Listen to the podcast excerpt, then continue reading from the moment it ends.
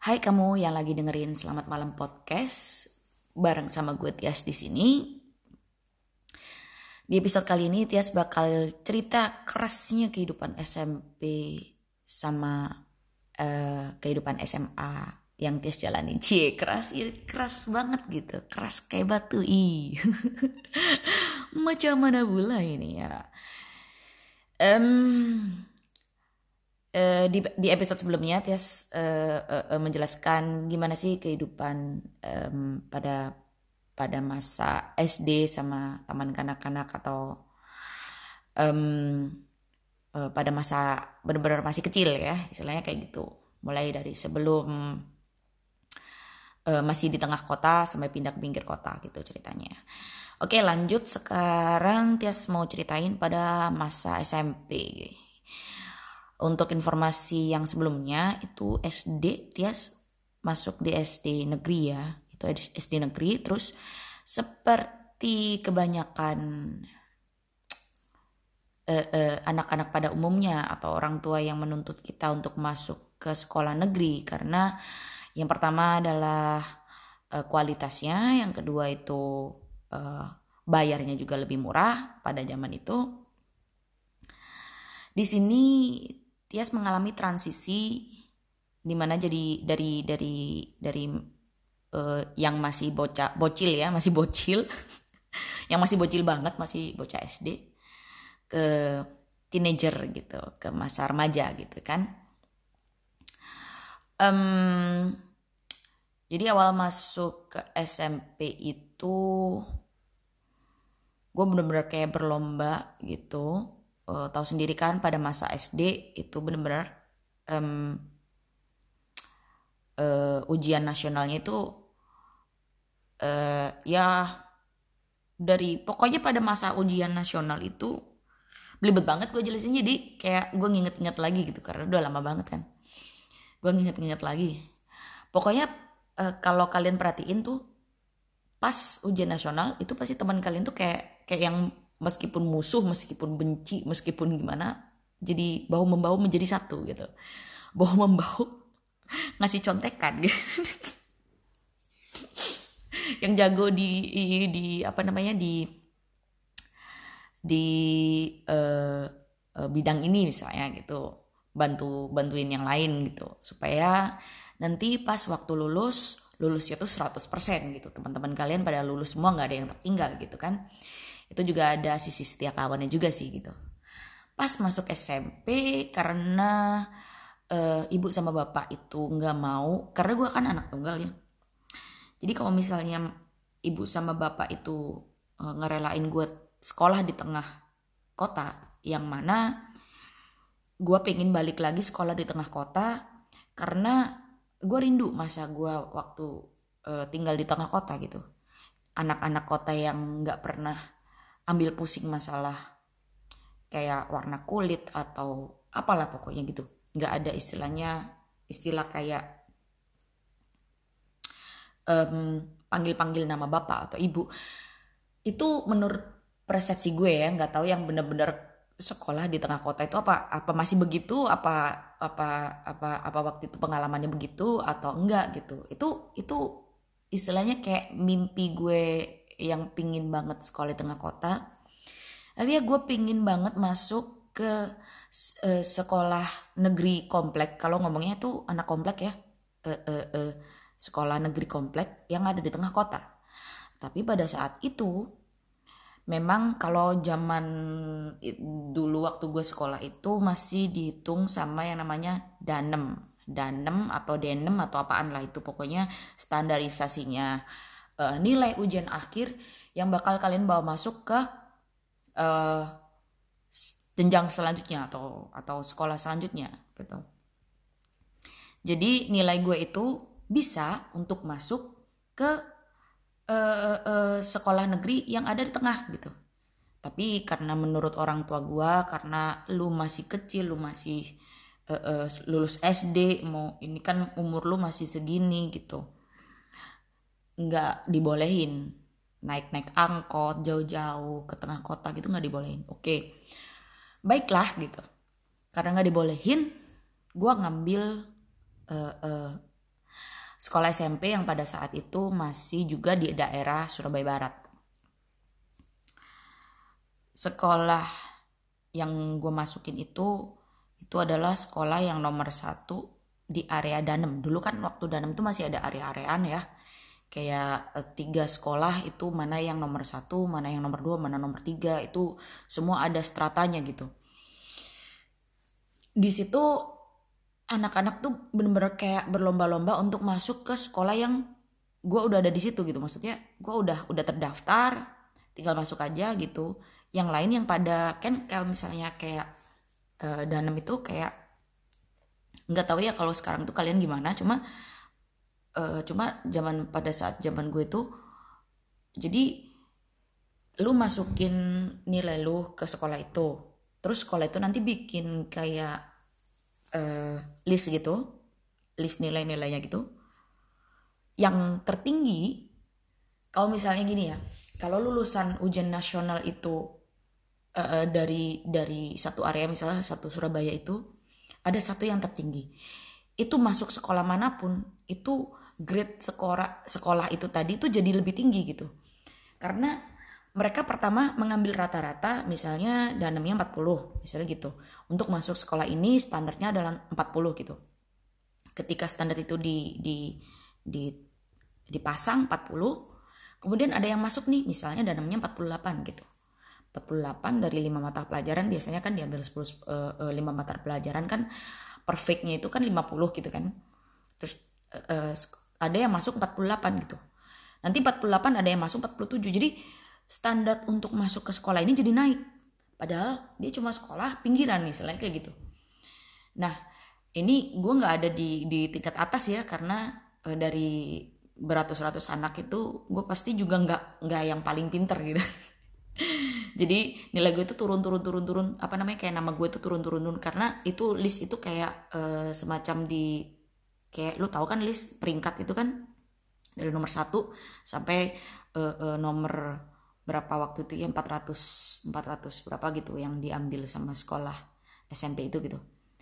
Dari 40 eh, dari berapa ya paling gede itu waktu itu 45 kalau nggak salah 45 paling gede. Terus turun turun turun turun gue ada di danem eh, eh, 40 berapa 40 40 atau 41 gue lupa sih waktu itu 41 ada 45 bel gue nggak nggak atau 43 ya. Pokoknya gue di bawah 45 gitu dan gue waktu itu. Udah masuk udah masuk nih. Terus yang pada daftar-daftar yang sebelum gue jadi kayak itu nggak peduli nanti lu daftarnya dulu duluan atau lu duluan atau gimana itu pokoknya nanti list itu turun-turun aja. Jadi yang danamnya 39 yang 38 tuh nanti udah keluar out terus dia jadi uh, uh, orang tua jadi kayak ambil itu formulirnya atau ambil itu kayak map gitu map pendaftaran sekolah itu diambil. Terus nanti dipindahin ke uh, uh, kayak SMP yang peringkat dua di di daerah tersebut gitu. Diambil dari SMP peringkat satu SMP A ini istilahnya. SMP A diambil dari situ terus dipindah ke SMP B di SMP B posisinya dia masih di tengah nih masih di tengah. Ntar kalau misalnya ada yang dari uh, uh, SMP A ini mundur lagi mundur lagi otomatis kan orang tuh pada pada cabut semua uh, pendaftaran tuh tadi terus dipindah ke SMPB nah gridnya SMPB ini jadi naik gitu loh jadi naik. Terus yang di bawah-bawah itu uh, uh, yang yang nilainya tuh lebih kecil pasti nanti mundur lagi gitu. Sampai pada pada hari itu kan ada jangka waktu hari ya waktu itu jadi ada jangka waktu seminggu untuk orang tua itu masukin um, formulir pendaftaran ini ke sekolah negeri favorit gitu. Kalau misalnya nggak sampai di situ, udah nih tujuh hari habis, orang tua nggak memperhatikan ternyata um, dari misalnya sekolah dari SMP A, B, C udah gitu ya. Terus pas udah dipindah di sekolah C, orang tua ngerasa aman, oke okay, sekolah C ini uh, danemnya atau rata-ratanya nggak seberapa tinggi gitu kan, uh, grade-nya nggak seberapa tinggi, oke. Okay ditaruh di situ. Tapi orang tua nggak memperhatikan ini perkembangan uh, uh, uh, urutannya ini urutan urutan peringkat ini. Ketika nggak diperhatikan itu nanti tiba tiba-tiba yang udah ngerasa aman di tengah-tengah tiba-tiba jatuh ke bawah dan out of the list gitu. Ketika out of the list orang tua nggak langsung cabut itu formulir terus taruh ke um, misalnya Surabaya bagian selatan gitu ya. Surabaya bagian selatan atau Surabaya timur gitu. Kalau nggak cepat-cepat ditaruh situ, udah nih anak nggak bisa masuk negeri, nih anak bakal masuk ke sekolah swasta. Yang di mana pada zaman itu sekolah swasta itu bayarnya mahal gitu kan, karena nggak ada subsidi dari pemerintah, nggak ada apa pun gitu.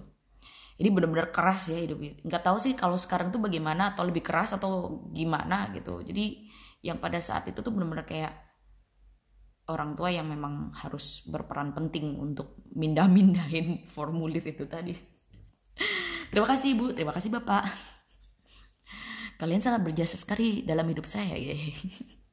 Jelas lah pasti. Udah ketika gue udah masuk awal dari uh, awal di SMP di mana di SMP itu kalian pasti yang uh, kelahirannya sama kayak gue ya kan? Sepantaran lah istilahnya sepantaran lahir tahun 90-an pasti yang di kota-kota Surabaya pasti ngerasain yang namanya kakak kelas itu pakai bajunya itu nggak sesuai standar yang dimau sama sekolah gitu kayak misalnya rok harus di bawah lutut gitu. Rok maksim uh, panjang itu harus di bawah lutut gitu kan. Di bawah lutut kalau misalnya berkerudung ya pasti panjang gitu kan. Terus kakak kelas ini kebanyakan roknya itu di atas lutut gitu, di atas lutut. Terus bajunya tuh pada di apa sih di dikecilin gitu ya yang agak press body, agak press body. Yang begitu itu anak-anak baru atau istilahnya yang pada masuk itu ngelihat wah keren banget nih kakak kelas gitu. Keren banget kakak kelas sih bagus banget ya gitu. Cantik ganteng istilahnya kayak gitu. Itu mulai tuh namanya juga remaja kan kayak mulai ada uh suka sama ini ini keren ini begitulah pokoknya mas. Sudah sedang ke arah-arah untuk melihat gacoan atau doi atau apa namanya uh, um, semangat untuk belajar tuh. Kalau misalnya lagi cinta-cinta monyet lah. Iya iya benar-benar namanya tuh cinta monyet gitu. Ada zaman cinta monyet gitu kan. Karena danem gue ini ada di tengah-tengah gitu. Jadi eh, tengah-tengah hampir ke kelas favorit. Jadi nggak gue nggak masuk kelas favorit. Kalau kelas favorit itu ada lagi tuh. Pada zaman itu kelas favorit itu yang danemnya itu 30 uh, uh, um, istilahnya listnya tuh mulai dari nomor 1 sampai nomor uh, 30 atau 40 gitu. Berapa orang ya? Satu kelas itu 40-an lah 40 orang dalam satu kelas itu kan. Jadi uh, kelas favorit dari awal masuk itu sudah ditentukan. Jadi danem yang paling atas sampai nomor 40 ke bawah itu masuk ke kelas favorit. Masuk ke kelas favorit. Terus eh, karena gue itu out of the list dari 40 itu tadi, jadi gue masuk ke kelas yang kedua gitu. Jadi pembagian kelasnya itu berdasarkan dari e, besar-besaran dan itu sebenarnya nggak nggak nggak nggak bagus juga sih karena jadi mindsetnya anak-anak itu kalau nilainya nilainya nilainya tuh di bawah standar berarti mereka e, berpikir kalau mereka itu nggak pinter gitu. Padahal enggak mereka pasti pinter di bidang yang lain gitu. Mereka pasti lebih jago di bidang yang lain gitu. Toh sekarang juga kalian pasti paham kan kalau misalnya kita uh, sukses itu nggak ada ukuran yang namanya uh, mau sekolah tinggi tinggi atau mau punya pelajaran nilainya bagus atau apa gitu nggak ada nggak ada istilahnya dari situlah. Kalau misalnya ada yang sukses dari situ ya itu sudah jalannya ya istilahnya kayak gitu. Kayak misalnya lu ranking satu terus dari zaman lu sekolah terus tiba-tiba uh, lu ambil sekolah kedokteran atau apa gitu. Tapi ini juga sih apa namanya yang menentukan eh, kalau misalnya lu dapat beasiswa dan terus lu maksud ma masuk ke uh, universitas yang keren gitu yang yang bagus ngambil jurusan yang um, bisa nanti untuk uh, apa namanya uh, masa depan karirnya itu jelas gitu. Kayak kedokteran atau apa gitu.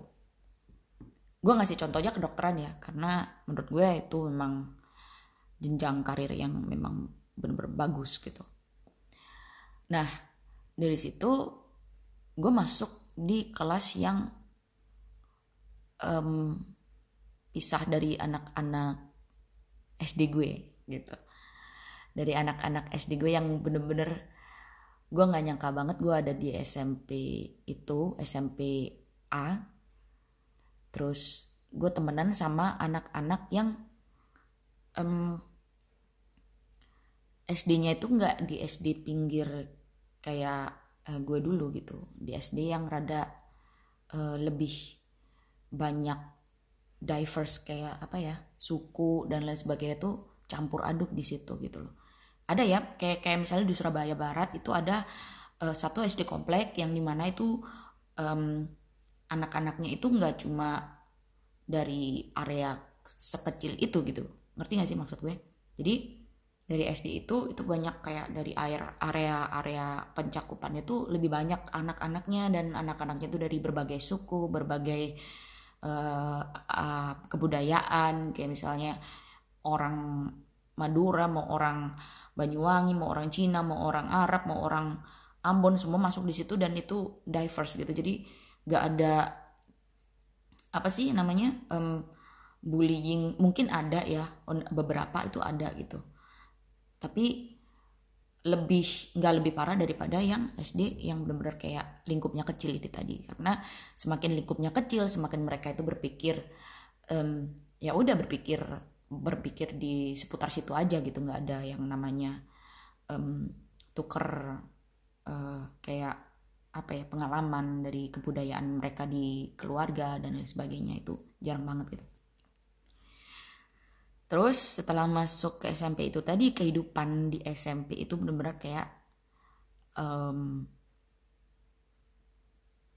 yang gue pingin balik sih ke SMP kayak seneng banget gitu.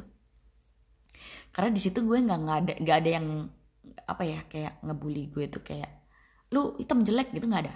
Jadi di SMP itu uh, gue lebih kayak ya berteman yang ke arah positif sih gitu.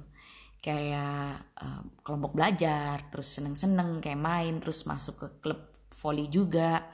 Terus gue belajar bener-bener di situ gue digembleng gimana caranya jadi sportif nangis bareng sama tim. Karena waktu itu uh, kita cuma ngantongin juara tiga gitu. Ya terus di dikuatin sama apa namanya pelatih klub kita itu juara tiga itu juara no matter juara berapa kamu kamu sudah berjuang secara maksimal. Karena kemampuan kita cuma segitu kita harus terima gitu. Kita harus bersyukur karena kita masih bisa ngantongin juara tiga dan pulang bawa bawa nama gitu kan bawa bawa kebanggaan gitu. Di situ gue belajar banyak belajar banyak waktu SMP itu bener-bener belajar banyak. Kelas 1 kelas 2 uh, berjalan lancar semuanya bagus-bagus aja gitu baik-baik saja pas kelas 3 eh kelas 2 ada ding. Kelas 2 ada kelas 2 ada. Karena nggak tahu ya mungkin karena gue itu nulisnya cepet kelas 2 ada. Waktu itu kelas 2 biasa lah kalau misalnya anak SMP tuh geng-gengannya tuh lebih lebih lebih apa ya lebih lebih kayak lebih strong lah istilahnya kayak lebih uh, lebih kayak apa sih gangster gitu kalau menurut gue gimana ya? Daripada anak SD loh ya. Anak SMP kelas 2 apalagi udah temenan sama kakak kelas udah uh, sok banget gitu. Jadi waktu waktu itu um, mulai dari kelas 1 gue emang ngantongin posisi sekretaris di kelas. Karena anak-anak itu ngelihat tulisan gue terus gue juga nulisnya tuh cepet kalau di papan. Cepet terus abis abis gue tulis di papan kan dulu waktu zaman sekretaris kan tugasnya kita cuma nulis di papan gitu. Kalau ada guru yang nyuruh coba ini salin di papan gitu. Gue tulis di papan. Gue nulisnya cepet di papan udah papan penuh terus gue duduk gue duduk gue salin lagi tuh di kertas gue jadi waktu itu tugas sekretaris tuh bener-bener double. Nulis nulis nulis nulis nulis dan nulis istilahnya kayak gitu. Nulis double lah gue setelah gue selesai nulis double itu uh, uh, pada pas kelas 1 sih anak-anak oke-oke aja gitu. Karena karena speednya anak-anak nulis juga nggak ada yang lambat nggak ada yang ngobrol-ngobrol kayak apa ya ntar ah nulisnya nanti gue ngobrol aja dulu gitu. Nggak ada yang begitu tapi pas kelas 2 ini karena ada uh, kayak apa ya uh, beberapa anggota geng yang satu kelas sama gue. Gue bener kayak aduh nih orang satu kelas sama gue gitu kan. Males banget gitu. Tapi karena di situ juga ada beberapa anak yang satu kelas sama gue pas kelas satu mereka nunjuk gue lagi sebagai sekretaris karena gue punya pengalaman gitu. Terus mereka juga ngomong sama wali kelas kalau misalnya gue tuh nulisnya cepet seneng dong wali kelas kalau misalnya ada sekretaris yang nulisnya cepet nggak lelet. Jadi semua materi itu bisa langsung tersampaikan dengan uh, uh, on time gitu pada waktunya gitu. Akhirnya gue ditunjuk sebagai sekretaris lagi nih. Udah gitu. Udah ditunjuk jadi sekretaris lagi. Kalau nggak salah ya emang. Ya jadi gini kalau misalnya di organisasi satu kelas itu ada ada ketua ada wakil kelas gitu kan ada bendara satu ada bendara dua. Ada sekretaris satu sama sekretaris dua. Nah waktu pas kelas dua ini gue sekretaris dua bukan sekretaris satu. Karena anggota geng cewek geng-geng cewek itu yang di satu sekolah itu uh, juga ada yang masuk di uh, satu kelas sama gue gitu. Jadi mereka kayak pendukungnya lebih banyak gitu. Nah sekretaris satunya itu si gue samarin namanya si mawar gitu oke. Kita selalu pakai kenapa ya? Kalau samaran tuh selalu pakai mawar melati udahlah. Karena nggak ada yang tersinggung sama itu kalau misalnya dipakai nama samaran oke. Okay? jadi si mawar ini itu terkenal cewek yang cantik gitu cewek cantik di eh, di angkatan kita di angkatan gue gitu angkatan gue banyak kakak kelas yang naksir juga sama dia. Jadi dia tuh kayak sok banget gitu kayak gimana ya? Gue kayak ratu gitu di situ. Nah ini ini si Mawar dijadiin sama wali kelas itu ditunjuk sama wali kelas sebagai sekretaris satu. Otomatis dia kan yang banyak kan bertugas daripada gue sebenarnya. Gue cuma gantiin dia ketika um, dia nggak masuk atau dia sakit atau mungkin dia butuh bantuan gue cuma bantu gitu tugasnya wakil uh, uh, uh, wakil bendahara wakil sekretaris itu semua seperti itu gitu oke okay.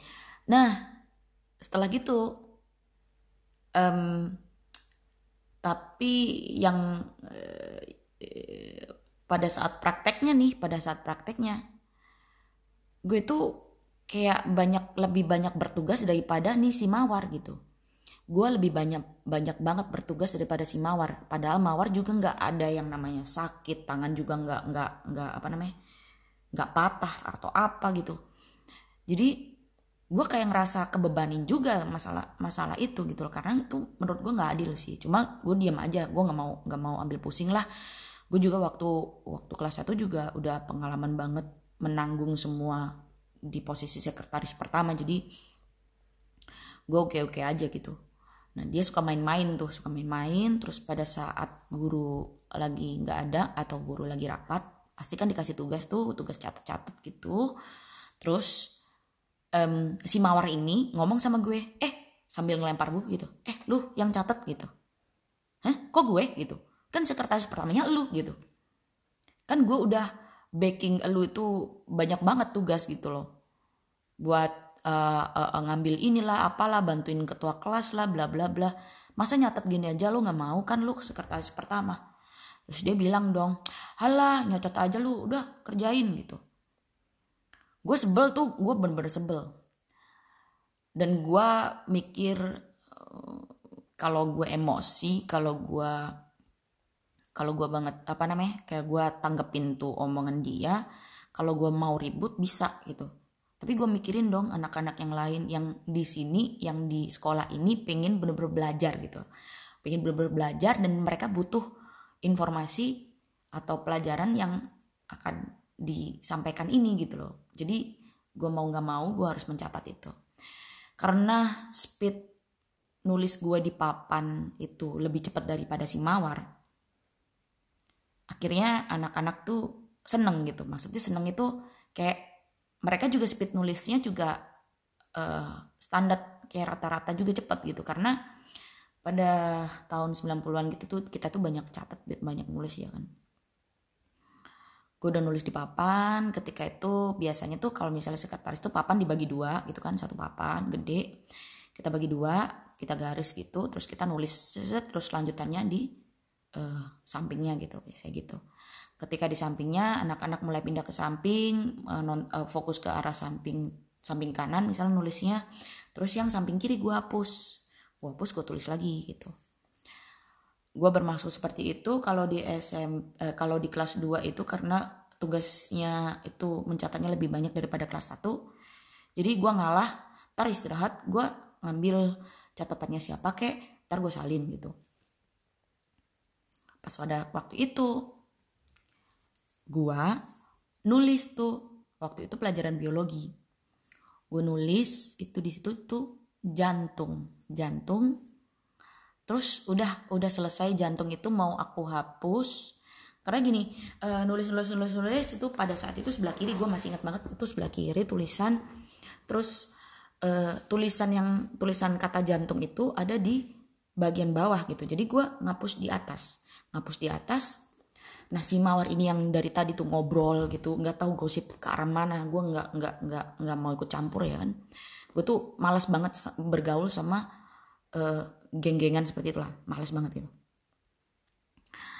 Terus karena gue pada pada posisi yang konsentrasi juga nulis supaya speednya cepet terus um, anak-anak juga banyak yang bertanya kalau tulisan cepet gitu kan kadang-kadang juga ada yang dari belakang tuh apa itu? Itu apa itu? gitu. Pasti nanyain gitu. Terus pas si mawar ini tanya itu masih uh, uh, hampir gue hapus itu. Karena gue mau nulis lanjutan yang dari sebelah kanan ke sebelah kiri lagi gitu. Itu hampir gue hapus si Maurin nanya sambil uh, manggil nggak enak. Eh yes itu apaan tuh? gitu jan jan apa itu gitu. Terus uh, gue bilang jantung gitu kan. Terus apa? Gitu. Padahal dia itu posisinya itu bangku di depan. Gue nggak tahu sih tujuannya dia apa gitu. Jantung gue bilang kayak gitu kan. Terus dia bilang apa? Janco eh kamu uh, as you know guys ya kalau misalnya janco di Surabaya itu apalagi diomongin kita nggak deket itu kasar banget gitu. Kecuali kalau kita bener-bener kayak deket udah deket udah kenal lama itu sapaannya jadi jadi janco itu biasa banget gitu kayak sapaan akrab gitu. Tapi karena mawar ini nggak deket sama gua dan dia itu nggak ramah banget sama gue jadi gue kayak tersinggung gitu. Eh maksud lo apaan lo ngomong kayak gitu? Gue jelasin enak-enak ya gue ngomong enak-enak. Gue ngomong ini jantung kuping lo gimana gitu. Maksud lo apa gitu? Dengerin gak sih lo di depan gitu loh? Gue ngomong kayak gini tuh harusnya lo denger kedengeran gitu.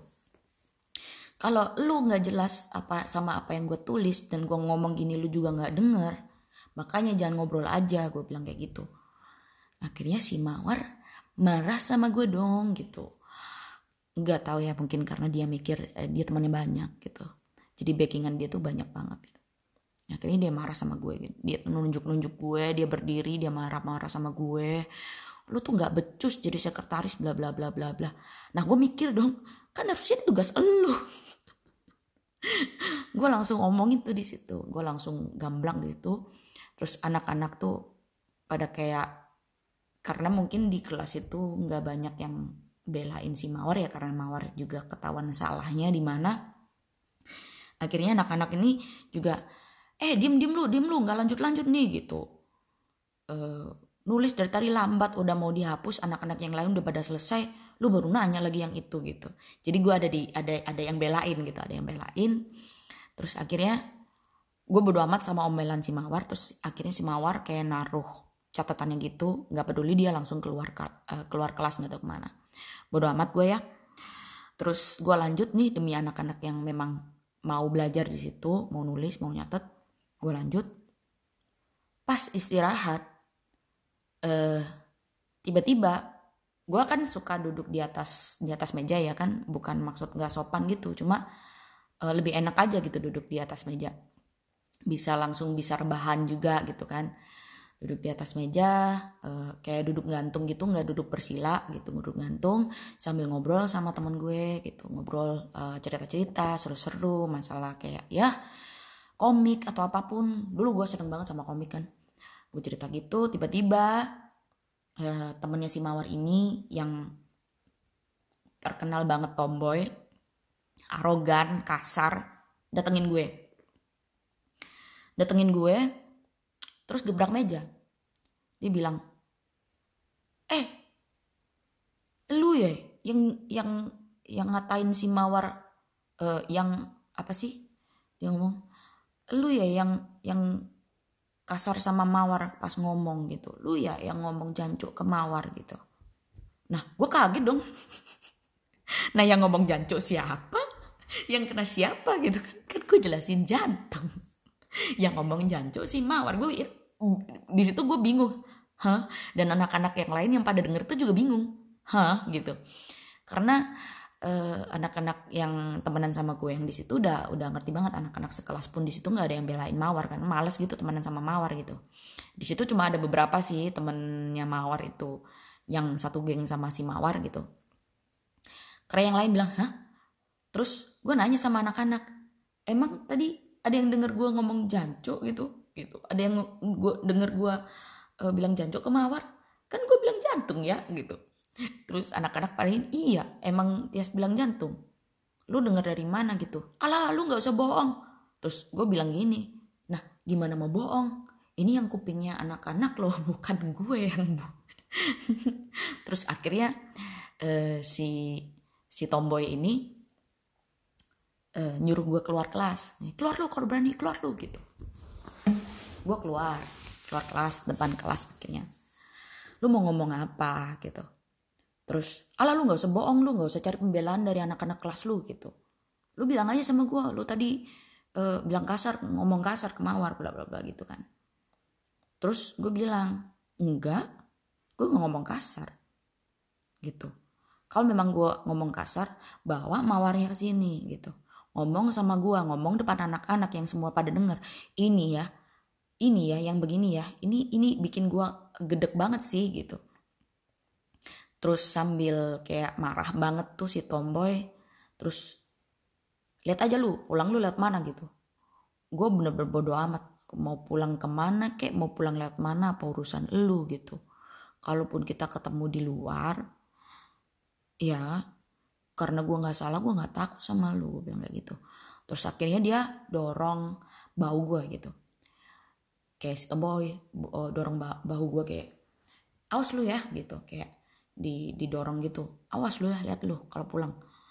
Ya gue kayak ngeles gitu kayak gue tam tampol tampol ini tangannya juga plak gitu kan. Gue tampol ke si dia didorong di sisi kanan bahu gue gue tampol pakai tangan kanan. Gue bilang gue nggak takut gitu karena gue nggak salah. Kalau misalnya si mawar protes sama gue karena gue ngomong jancok bukan dia bukan sebaliknya dia yang ngomong jancok ke gue ya kan suruh mawar ke sini kita selesai di depan anak-anak. Karena saksinya ini banyak mata yang memandang dan banyak telinga yang mendengar. Siapa yang ngomong jancok di situ? Akhirnya pulang gue nggak ada apa-apa. Si tomboy nggak berani gitu. Karena di situ gue bilang kalau misalnya banyak anak-anak ini kita bisa bawa kasus ini ke BK gitu ke lo tau kan kalau misalnya waktu zaman itu mungkin sekarang juga masih ada ya bimbingan konseling itu guru BK yang menyelesaikan masalah-masalah konflik-konflik anak-anak yang seperti ini gitu yang yang nggak jelas gak jelas begini yang alay-alay Sumpah sih pada pada saat itu gue yang pingin fine fine aja di kehidupan SMP tetap aja nggak bisa gitu. Gue juga mulai tumbuh eh, nggak terlalu feminim pada saat itu. Karena eh, gue berpikir kalau feminisme itu feminis uh, belibet banget gue. Feni, eh, feminisme itu adalah uh, su, suatu kelemahan atau sebuah kelemahan gitu. Jadi gue nggak pernah yang namanya menunjukkan sisi feminim gue gitu. Uh, akhirnya anak-anak taunya kalau misalnya gue juga gue juga anak tomboy gitu dan pada saat kelas 3 itu masalah udah selesai ya udah kelar. Tapi si mawar sama geng-gengnya itu nggak bakal mau nyapa gue kalau misalnya papasan. Itu aja sih. Karena mungkin mereka malu ya kalau mereka mereka terlihat salah karena mereka itu kayak populer gitu di di satu sekolah itu. Udah bodo amat gitu kan. Terus pas waktu kelas 3 itu juga um, gua ini lebih seneng temenan sama cowok-cowok. Dan gue menghindari yang duduk sebelahan sama cewek gitu. Tapi pada saat itu uh, untuk duduk sama cowok itu nggak dilarang. Cuma uh, lebih banyak guru itu menyarankan kalau misalnya cewek duduk sama cewek nggak boleh duduk sama cowok gitu. Nanti pacaran atau apa. Namanya juga udah kelas 3 kan. Mau ujian nasional gitu. Jadi guru uh, uh, mengkesampingkan yang hal apa ya kayak um, me, mencoba untuk mengatasi sesuatu hal ya yang kemungkinan-kemungkinan uh, uh, ujian nasional nanti ke distrek gara-gara pacaran atau apa gitu dengan hal yang seperti itu. Uh, karena gitu akhirnya uh, mungkin karena udah tumbuh kayak jiwa-jiwa pemberontak gue nggak mau uh, disalahin gitu. Hanya karena gue duduk sama uh, sama uh, lain jenis kayak ya duduk duduk duduk sebelahan sama cowok atau teman sebagu gue cowok gitu. Waktu itu memang gue duduk sama cowok gitu. Karena gue tahu gue kenal sama anak ini sudah pas waktu kelas 1 pas satu SMP gitu. Kita udah temenan baik sih kalau kelas 1 SMP itu kayak udah sohib banget lah istilahnya. Satu kelas itu kayak kompak banget seneng banget gue gitu. Duduk sama sama teman gue itu terus pada waktu wali kelas masuk disuruh pindah gitu. Gue nggak mau dong. Kenapa bu? Gitu. Ya nggak boleh duduk duduk sama itu apa namanya sebangku sama cowok gitu. Yang cowok duduk harus sama cowok gitu. Nanti pacaran lagi kalian gitu. Nah nggak bu. Kita kan temenan gitu ya dari mana taunya kalau kita pacaran ya nggak? Gitu kan. Terus akhirnya si guru itu memaksa gue nggak mau nggak mau pindah. Akhirnya ada uh, satu juga pasangan sebangku ini juga cowok sama cewek sama gitu. Akhirnya dituker ditukerah eh ditukerlah gue duduk sama cewek ini gitu. Namanya itu Ani. Gue masih kenal banget namanya Ani. Udah duduk sama si Ani si Ani ini baik gitu. Si Ani ini memang males banget belajar. Dia nggak seneng belajar. Dia nggak seneng ngerjain tugas.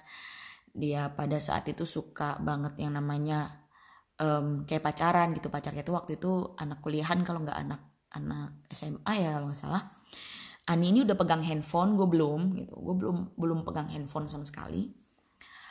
Ani ini anak orang kaya kayak, kayak tajir gitulah gitu.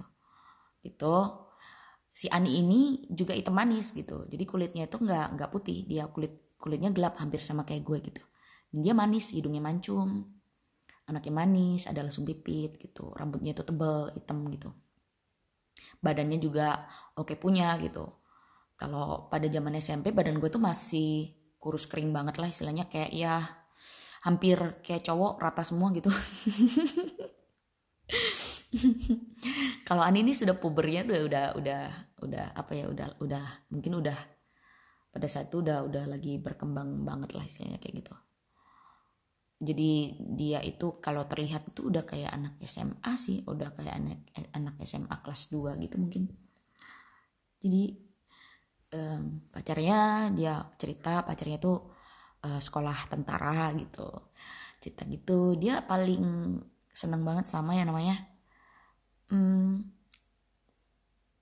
eh, pria-pria uh, berseragam kayak tentara, polisi begitulah. Jadi selama Ani ini nggak ganggu gue atau nggak kasar sama gue gitu, gue temenan sama Ani oke okay gitu.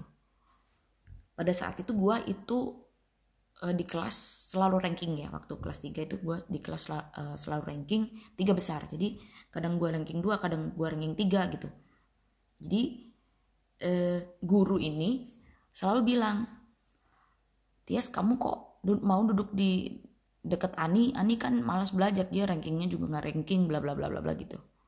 Nah justru bu kalau duduk sama saya itu dia lumayan rajin ngerjain tugas bu. Biasanya saya paksa gitu eh ngerjain tugas lu gitu bla bla bla gitu. Oh gitu ya? Iya bu. Jadi dia kayak terpacu gitu bu gitu. Akhirnya gurunya bilang oke okay, kamu masih mau duduk sebelah Anani gitu. Gak ganggu kamu belajar? Enggak sih Ani juga orangnya baik. Akhirnya guru itu membiarkan gue duduk di sebelahnya si Ani gitu. Pada saat itu ada satu ini pengakuan ya istilahnya pengakuan udah lama banget sih. Lucu banget juga cinta monyet nih. Di depan gue itu ada uh, uh, kan ini kayak barisan barisan bangkunya ini kan gue di barisan yang deket pintu dan itu cowok semua mulai dari eh enggak sih ada dua dua row yang dua dua bangku dua baris bangku itu cewek gitu. Jadi yang baris pertama itu cowok-cowok terus cewek-cewek terus cowok-cowok terus cewek-cewek yang belakang sisanya cowok semua gitu. Dan di barisan kita itu barisan yang paling uh, sedikit ceweknya. Yang lain itu kayak 50-50 itu cewek cowok kayak gitulah nah karena gue duduknya itu nggak di depan eh gimana ya gue ngomongnya kayak gue seneng sih waktu waktu SMP kelas 3 itu karena mereka-mereka ini nakal gitu. Nakal maksudnya nakal itu nakal nakal ya nakal nakal wajar lah nggak nakal nakal yang uh, gimana gimana gitu. Cuma mereka baik loh kayak gimana ya kayak setia kawan banget gitu jadi temen gua yang di depan itu cowok cowok kan. Hmm, gue samarin namanya siapa ya? Si gimana ya ngomongnya? Aduh. Disawarin jadi siapa ya? Andi sama Lukas gitu aja ya. Sorry ya yang namanya Andi sama Lukas mungkin kalau misalnya denger podcast gue ini hanya nama samaran oke? Okay? nah si Andi sama Lukas gitu.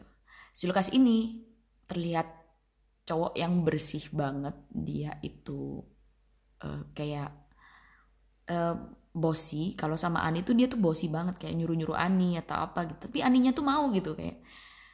Si Lukas ini menurut gua nggak ganteng sih. Cuma dia bersih gitu putih gitu oke. Terus anak orang kaya juga gitu. Nah gara-gara Lukas si Ani ini yang uh, tipe cowoknya itu berseragam gitu.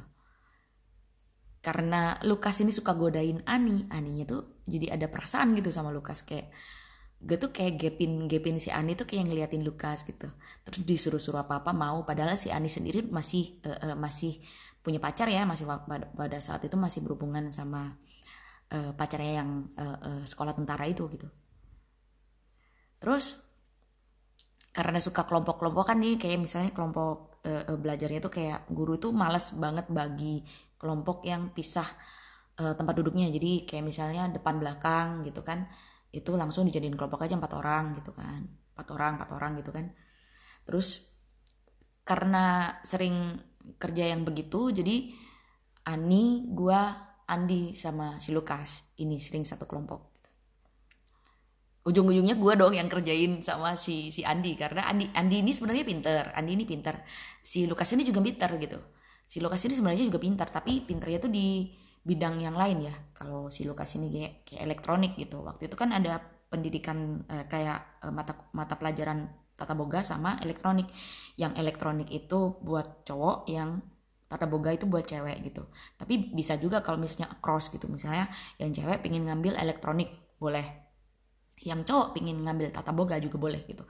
Tapi kebanyakan yang seperti itu tuh menurut mereka itu nggak wajar. Karena yang kalau misalnya cowok masuk tata boga udah dipikir dikatain banci lah apalah gitulah pokoknya.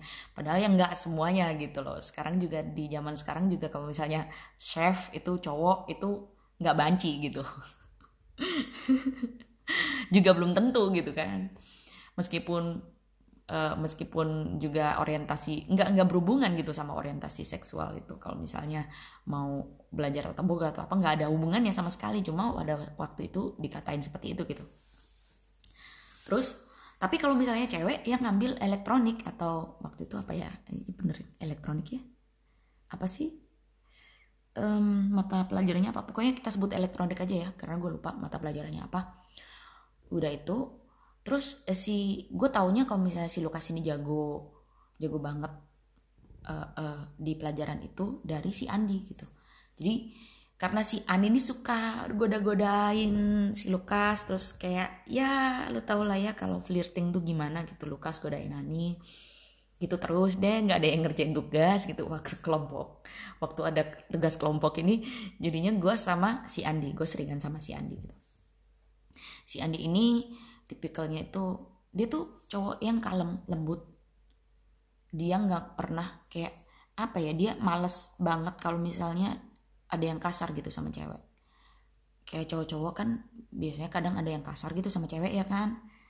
Tapi si Andi ini kayak dia itu um, bukan bahan bully juga sih kayak bahan bercandaan anak-anak enggak gitu. Dia tuh kayak di posisi yang sedang-sedang aja gitu kalau misalnya untuk bergaul atau bersosialisasi gitu. Tapi dia kalau misalnya sama kenapa si Lukas ini yang notabene kayak terkenal gitu kayak dari geng yang gua uh, si Mawar itu gengnya Mawar itu kenal juga sama Lukas terus Lukas juga uh, uh, punya mantan dari cewek yang juga cantik gitu di salah uh, salah satu cewek dari geng ini gitu terus Lukas mau temenan sama si Andi. Berarti kan si Andi ini pergaulan juga nggak nggak nggak biasa-biasa amat gitu kan. Ternyata si Andi ini satu kayak tetanggaan gitu sama Lukas uh, satu satu komplek gitu. Akhirnya si Lukas ini seneng banget kayak nyuruh-nyuruh si Andi gitu. Bosi banget lah. Pokoknya Lukas ini posisinya bosi banget gitu. Tapi si Lukas nggak berani sama gue. Nggak tahu kenapa. Lukas nggak berani sama gue. gitu karena pada, pada saat nggak tahu ya gue ngantongin uh, kayak predikat uh, paling galak kalau misalnya ada yang uh, ada yang ganggu gue gitu. Mungkin juga dari omongan yang waktu kelas 2 itu tadi yang dari Mbak Tomboy sama Mawar gitu gue nggak tahu nggak nggak paham gitu. Jadi mereka kayak nggak ada yang nggak ada yang berani gangguin gue pada saat itu gitu. Nah karena gue sering ngobrol sama si Andi nggak tahu kenapa tiba-tiba gue kayak perhatiin si Andi tuh kok dia manis juga ya? Gitu.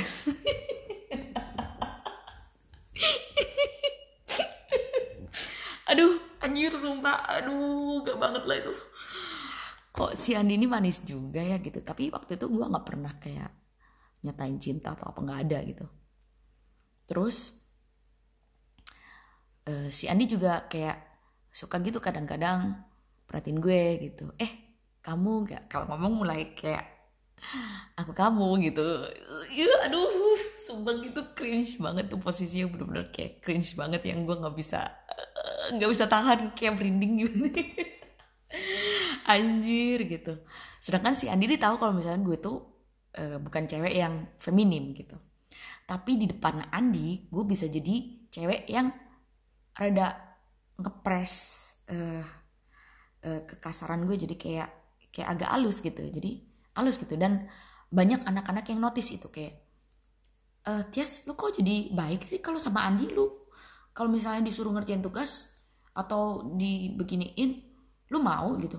Enggak. Langsung gue kayak nolak gitu kayak kayak kayak gue kayak gue um, balas gitu. Enggak enggak. Gue nggak ngerjain tugasnya si Andi. Andi gue ajarin gitu nanti gue ajarin gue kasih tunjuk bla bla bla. Dia yang nulis sendiri kok. Akhirnya mereka kayak oh, oke okay, nggak ada apa-apa nih antara Tias dan Andi oke okay gitu. Jadi gue kayak oh oh oh untung nih nggak ada yang tahu perasaan gue anjir. Jadi hmm, uh, mulailah pada saat itu gue bikin yang namanya komik. Gue seneng banget sama komik. Gue suka banget gambar anime mulai dari kelas 3 SD lo tau kan? Waktu di episode sebelumnya gue cerita itu. Dan pada saat komik itu uh, pembaca pertama gue adalah Ani. Ani tuh seneng banget sama cerita-cerita yang romance kayak gitu-gitu. Gue yang nggak pernah punya pacar pada saat itu. Gue yang konsentrasi sekolah pada saat itu dan cinta pertama gue itu adalah apa ya? Eh ada ding. Cinta pertama gue itu waktu waktu gue TK tapi itu cuma gimana ya? Kayak gue seneng banget aja temenan sama itu cowok gitu waktu TK TK yang udah pindah ya udah pindah ke ke apa namanya? Ke pinggir ke Surabaya Barat itu gitu. Gue seneng aja temenan sama itu. Terus semenjak ada yang bilang oh dia suka sama ini. Siapa namanya ya? Eh, eh dia suka sama si si si eh, si yoga itu sorry sorry yoga. Kalau misalnya dengerin dengerin podcast ini nama samaran semua ya oke. Okay. jadi yang nama asli cuma gue doang gitu. Dengerin uh, suka sama yoga akhirnya yoga ngejauh gitu. Tapi gue seneng sih cuma lihat yoga itu karena yoga itu good looking gitu aja sih. Nggak ada yang namanya kayak perasaan uh, nerima dia apa adanya. Cinta maunya tuh beda gitu. Kayak suka waktu kecil itu suka temenan sama si ini gitu. Tapi bukan berarti lu jatuh cinta pada saat cinta pertama gitu. Terus uh, eh, gue masih seneng lihat yoga sampai pada saat gue SMP sampai SMA juga gue masih seneng lihat lihat si yoga gitu kalau misalnya. Kan karena kita satu komplek perumahan jadi kadang-kadang itu lewat ada dia gitu. Gue masih seneng aja karena dia good looking dia ganteng gitu. Oke okay, fine setelah itu cerita balik ke Andi. Eh, jadi kita kayak gue sama Andi itu sering kayak um, ngobrol. Terus pas istirahat itu Andi diajakin sama Lukas buat ke kantin. Dia nggak mau kalau gue nggak juga keluar gitu. Kalau gue keluar dia mau keluar sama Lukas. Tapi kalau gue di di di kelas dia uh, dia tetap di kelas gitu. Jadi pada saat itu gue nggak berani nyatain perasaan. Gue cuma ya sekedar kasih perhatian aja sama dia gitu. Dan sebaliknya pun Andi gitu. Oke, setelah itu um, ada beberapa kasus juga ini yang waktu di SMP kelas 3 ya, kelas 3 itu gue sampai pernah masuk BK, gue sampai pernah uh, apa namanya di dipajang di ruang guru, suruh minta maaf, bla bla bla, pokoknya harus ada rasa penyesalan. Terus gue juga pernah uh, tengkar sama anak baru nih. Ini ada lagi nih ceritanya nih. Nah untuk uh, podcast kali ini sampai di sini dulu ya. Kita lanjut lagi di episode selanjutnya. Selamat malam. Bye